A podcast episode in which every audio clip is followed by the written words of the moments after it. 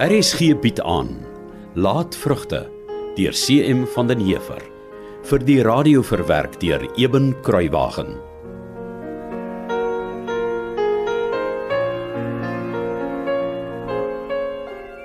Sybrand.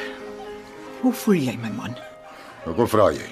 Ek het oor my kop, jy weet. So elke welgeskape mens. Wat dit maak nie van jou minder man of mens om te erken dat die dood van jou moeder jou raak nie. Ek het so gehoop. Sy sterf. Nee nee nee nee nee. Ek het gehoop daar kom 'n oplossing om haar so ver te kry om dorp toe te trek. Wie het nou gedink die ou vrou is dodelik siek? Tog respek vir die dood, Sybrand. Ek het nie eers van haar afskeid geneem nie. Sy kon ons met Maria of een van die werkers laat weet het hoe siek sy is. Sou dit regtig iets verander het? En wat bedoel jy nou daarmee, Betta? Jy laat die laaste ruk niemand naby jou toe nie. Jy luister na niemand nie. Jy's mos al ewig besig met jou planne. Jy sou Tintie en net gesê het jou ma is weer besig met een of ander set om jou om die bos te probeer lei. My ma se begrafnis is nie die tyd of die plek om oor sulke goed te praat nie. Maar erken tog net jy voel skuldig Waaroor? dat jy jou ma as jou teestander gesien het. 'n Struikelblok. Ek en ma het moeilik met mekaar gestryk, is waar. Maar sy was baie keer te hardkoppig en onwillig om my net die een ding te laat doen wat ek goed kan doen. En dis om te boer, Betta. Ek is een van die voorste boere in die distrik. Ja, ek is seker niemand sal daaroor met jou stry nie. En omdat sy die baaskap van die plaas van my weerhou het, was ek weer baie mal hard en onversetlik teenoor ma. Sy brand. Wat? Die lewe is te kort vir kwade gevoelens en naaiwer. Dis nooit te laat om 'n skoon lei te begin nie. Snaaks. Nou dat die dood ma se wil gebreek het. En sy so magteloos in die aarde geberg is. Nou, nou is dit of 'n deel van my bestaan, deel van my wie ek is, saam met haar geberg word. Maar natuurlik, sy brand. Dis jou ma. Ek voel of iets in my gees vandag knak. Of daar grensdrade in my iewers skiet gee wat die ouderdom soos weghol beeste oor my lyf laat storm. Kyk daar vir henne. Jong, sterk, gesond. Hy groei uit na die lewe. Maar ek ek word nes maar magteloos in ouderdom en vergeetlikheid gebeer. En ek kan dit nie keer nie, Betta. Kan dit nie keer nie.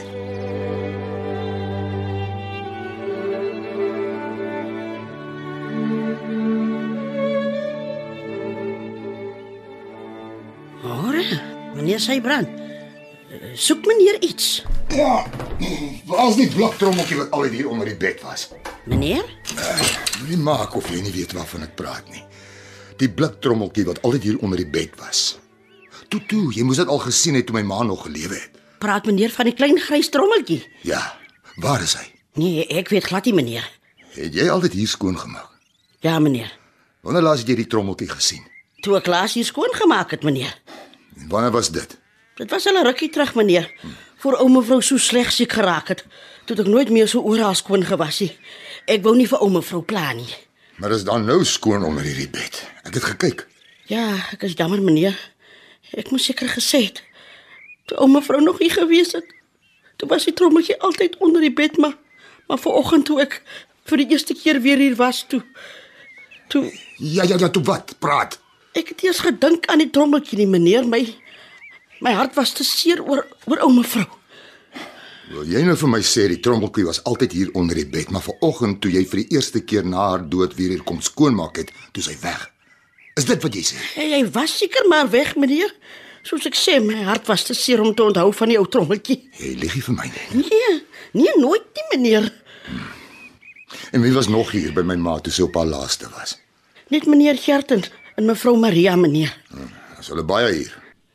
Ja, nader aan die einde elke dag maar maar die aand op op mevrou se laaste aand het het sy mevrou Maria huis toe gestuur. En uh, waar was Gert? Hy was nie daardie aand hierdie meneer. En waar was jy? Ek was hier meneer by ou mevrou. En toe sy dood is, waar was jy? Ook hier. Ja meneer. Het jy die trommeltjie gevat? Nee, nooit meneer. Hoekom sou ek enigiets wou vat wat ou mevrou se was? Ek het nie eers geweet wat is in die trommeltjie nie. Nou, onthou net, as ek uitvind jy lieg vir my, sal dit jou laaste dag op hierdie aarde wees. Verstaan jy my? Ja, meneer Sybrand, ek verstaan heeltemal. As jy iets van die trommeltjie hoor of hom iewers sien, los jy alles dadelik en kom sê vir my. Het jy my gehoor? Ja. Ja, meneer, ek weet.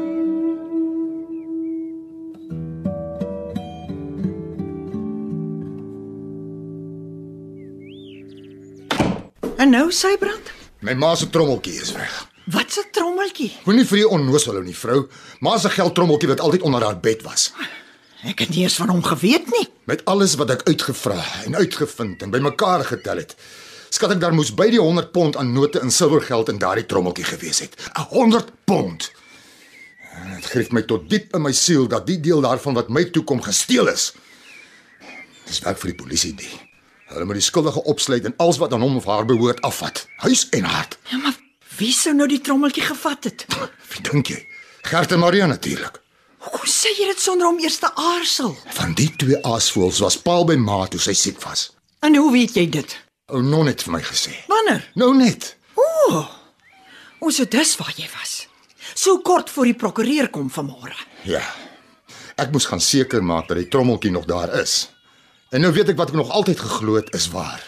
Die verraderlikste van alle teestand is jou eie vlees en bloed. Ai, Sybrand. tog. Nonnie sê vir al Maria was dag en nag by ma. Sy kon haar amper gewoon nie van die bed af wegkry nie. En die ou stoepsitter Gert sê sy was gedurig in die nabyheid. Kastig vreeslik besorg oor ma se toestand. Maar die waarheid is natuurlik dat die ou vatsige sleghalter nie kon wag vir ma se dood nie. Net sodat hulle die trommeltjie kon roof, Maar hoekom sou hulle hom wou vat? want hulle skuld druk hulle iedere dag meer en meer. En nou het hulle die kans aangegryp om 'n bietjie kontant in hulle smerige bywonerskloue te kry. Wat dalk het jou ma dit vir hulle gegee. Wat? Ek sê dalk het jou Ja, ma ek het jou die eerste keer al gehoor, Betta. jou ma dalk van hulle geldnood geweet. Verraad. Vreeslike vuil. Ag, Sybrand, bedaar net. Ek dink jy's verkeerd, Betta. Maar is wel kapabel en doen so 'n lae ding aan my. Maar ek glo nog steeds Gert en Marie het haar siekte gebruik en haar fyn beplan om die trommeltjie op die regte tyd te steel. Terwyl al die aandag op ma se afsterwe was. Dis my kontensie. Wel, dalk het ma die trommeltjie by haar boedel ingesluit. En nou sit by die prokureur, jy moenie hastig oordeel nie. Al kos dit my 'n dik spul geld. Ek sal daardie twee sleghalters ry tot by oom Daantjie in die Kallerhok.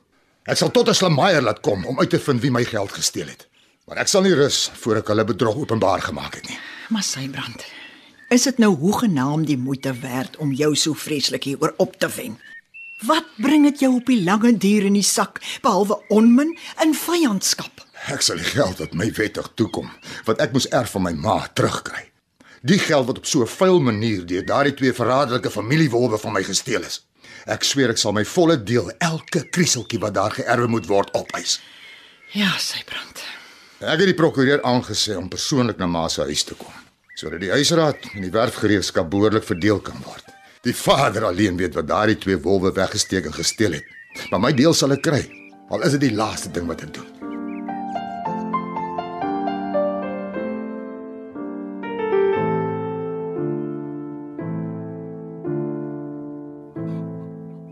Goeiemôre aan julle almal. Oom Sybrand het gevra ek moet help met die verdeling van die huisinhoud en die werfgereedskap en so meer, maar ag ek ek wil tog net uit die staanspoor vra, jy weet, dis die een deel van my werk waarvan ek nou nie hou nie, want ek sien te veel kleinlike grypsug en rusies en nare skimpe, verwyte en ja. Kan u glo? Daar selfs 'n getwis oor die klere en die skoene van 'n dode. En daarom versoek ek u vriendelik en opreg. Kom ons eer tant Willa se nagedagtenis ja. en dat hierdie verdeling ordelik, vreedsaam en liefdevol verloop. Kan ek op u samewerking staat maak? Sekerlik meneer Steenkamp. Dankie oom Bekus. Dankie. Nou, volgens die verdeling moet die ou erfstuk die klerekas wat in tant Willa se kamer gestaan het, na oom Sybrand toe gaan. Volgens wie se verdeling is dit nou kastig? Uh, Ma het altyd gesê ek kan daardie kas kry, jy weet dit sy brand. Dit kom my toe. Maar wat wil jy in elk geval met ma se klerekas? Asseblief tog dan Marie, ou om sy brand ek het nie mooi gevra en die verdeling is testamentêr tante Maria. My ma het gesê ek kan die ou klerekas kry. Dit was so deel van haar. Ek vra weer sy brand. Wat wil jy tog met die kas maak? Goed, Maria. Jy kan die kas kry as dit so baie vir jou beteken. Maar O, oh, baie dankie sy brand. Maar dan wil ek die voorhuis en meubels hê. Wat? Jou onhalige ou frik, jy het meer as genoeg goed en waar gaan in elk geval met al die meubels heen? Ek tog dan ons verdeel ma se ou goedjies gelyk op. Ja ja, dis tog die ooreenkoms sy brand. Hou jou hier uit, Gert. Jy het hier niks te sê nie. Mamma, as ek my sonne nie ontsien nie. Ons verdeel die voorhuis se meubels gelyk op. Nou, die inhoud van die spens en die kombuis. Ek verdeel dit nie kwantitatief nie, maar alles op grond van waardeskatting sodat jy albei gelyke waarde uit die inhoud kry. Die potte, die panne en ketels is vir my bedoel. Ek is die vrou. Sybrand, jy kan die ingelegde vrugte kry. En wat is die waarde daarin? Ah, vat ek die komberse, tafeldoeke, vergrotings en muurtekste. En die harke en die grawe. Jy wil ook net alles hê en gryp of vat. Julle twee ou sleghalte sal in ieder geval alles net deurbring. Liewe mense, wees dan nou redelik. Goed Steenkamp, verdeel alles gelyk op. Dankie. Want dan erken julle die vieslike verraad, die diefstal van ma se geldtrommeltjie of ek vervolg julle tot in die graf. So julle sê niks. Dan was ek reg. Steenkamp, vir hulle diefstal beveel ek dat jy alles wat aan hulle toegeken is van hulle ontneem. Hulle verdien tronkstraf en vergelding. Bel die polisie. Jy jou gemeene, frikkige selfsugtige vark? Jy wat nie eens 5 minute aan ma op haar sterfbed kon afstaan nie. Jy het eens geweet maar was siek nie en dan wil jy my in Gert beskuldig van diefstal. Kyk liewer wat jy jou arme vrou en kind aandoen. Voor jy Maar julle is tog Christene. In Vader se naam hou nou op. Dank die hemel. Alles is verdeel. Nou moet jy net maandag inkom dorp toe sodat ons die bepalinge van die testament kan afhandel. Totsiens.